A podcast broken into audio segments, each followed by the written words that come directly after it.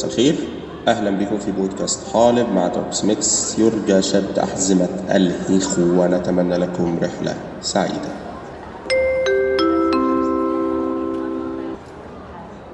هتلر الشماشيري دكتور السياح الصحفي في كلية إعلام جامعة خربيتا الكفر أخصائي تخيط طلبة وصنايعي خوازيق عصمت أبو فزبه طالب بكالوريوس غلبان فاكر إنه ممكن يتخرج ويمارس حياته الطبيعية على أي قهوة زي الجماهير الغفيرة. في مشهد نهار داخلي يجلس الدكتور هتلر على مكتبه الفخم فيدخله ولا عصمت بعدما خبط وهبط وكح وبح عاوز إيه؟ اداله التحية وقعد. المشروع يا دكتور برضه عاوز إيه؟ آه طب اقعد اقعد يا ابني اقعد اقعد اقعد اقعد.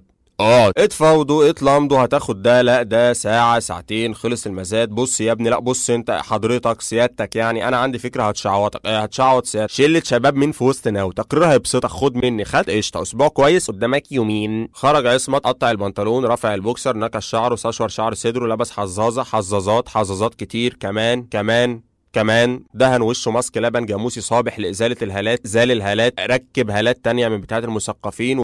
مشهد ليل خارجي على إحدى المقاهي العميقة جلس عصمت مع جوز كناريا. طلبوا قهوة سادة بس هو طلب سحلب. وبدأت الحكاوي. هاني صفطزين. تالتة هندسة بوازيك يبحث عن الهوية والمعنى وحلاق رخيص. دائم السخط والسباب. لسانه أطول من الميسيسيبي بس شتايمه شمال. يسارية منمقة يعني. حريف كلام ستيناتي من أنقاض ما بقي من السوفيت. وكله في الهموش. ما تاخدش منه جملة ظاهر لها تضاريس. حكى هاني. حكى كتير. أبوه مزعله. مضايقه ضربه مشبشب له ما تفهمش. بس واضح إن في ذبذبات. المشكلة عند مين؟ تلقط ما تلقطش تفهم تتوه توصل. تلمع في عينه دمعة حزينة آسفة أسيفة مخيفة. مالك يا هاني؟ المعاناة أبدية والعذاب سرمدي. يا ابني مالك يا هاني؟ هاني هاني أنا حزين يا عصمت. تخيل بقالي شهور بره البيت أبويا ما يعرفش عني حاجة. طول عمرنا خلف خلاف. لا هو فاهمني ولا أنا قدرت أقرب. كل مشكلة خناقة كل خناقة ضرب كل ضرب ناتج مختلف.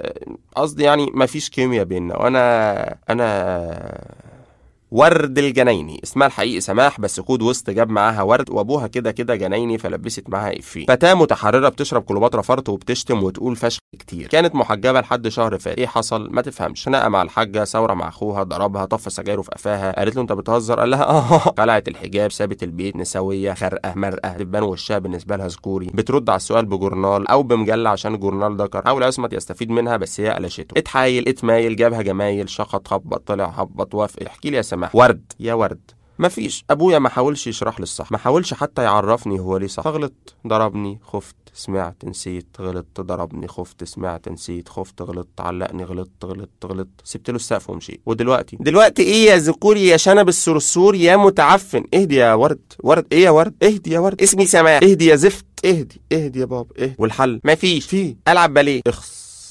في حل. إيه الحل؟ أنا خلص عصمة التقرير وكتب في آخره سمعنا كثيرا عن عقوق الوالدين ولكن ربما لا نسمع عن عقوق الأبناء الذي يسبب العقوق الأول. فنتعامى عن الأب الذي يغفل عن كون ابنه كائنا آخر يحتاج العطف والاهتمام وليس قطعة من التحف التي يتزين بها البيت. كم هو سهل أن نلاحظ انحراف الأبناء ولكن ماذا عن الأب الذي قدم الدين لأبنائه كقطعة من العذاب؟ لا كهدية الله لهم. أو الأم التي تقدم الثقافة المجتمعية كأغلال وقيود لا كجزء من الكيان والهوية. نعم يخطئ الأبناء ولكن يمكن تصحيح كل شيء بقدر من الاحتواء والاحترام ولكن حتى لو لم يحدث هل الحل في التمرد؟ مشهد آخر النهار داخلي. هتلر في مكتبه. قاعد محروق دمه بعد ما عرف إن البشر بقوا يستعملوا الفرن في الطبيخ عادي. دخل عصمت شمطه التحية ما ردش قعد الواد قدامه الملف اتفضل أبو الزعامة المشروع. مسك هتلر الورق فروا فرتين رماه. مشروع إيه؟ يا دي النيلة. مشروع التخرج يا دكتور. يا ابني أنا اديت لكم درجاته من زمان وريحت دماغي. طب ليه ما قلتليش يا دكتور؟ أه؟ كنت نازي.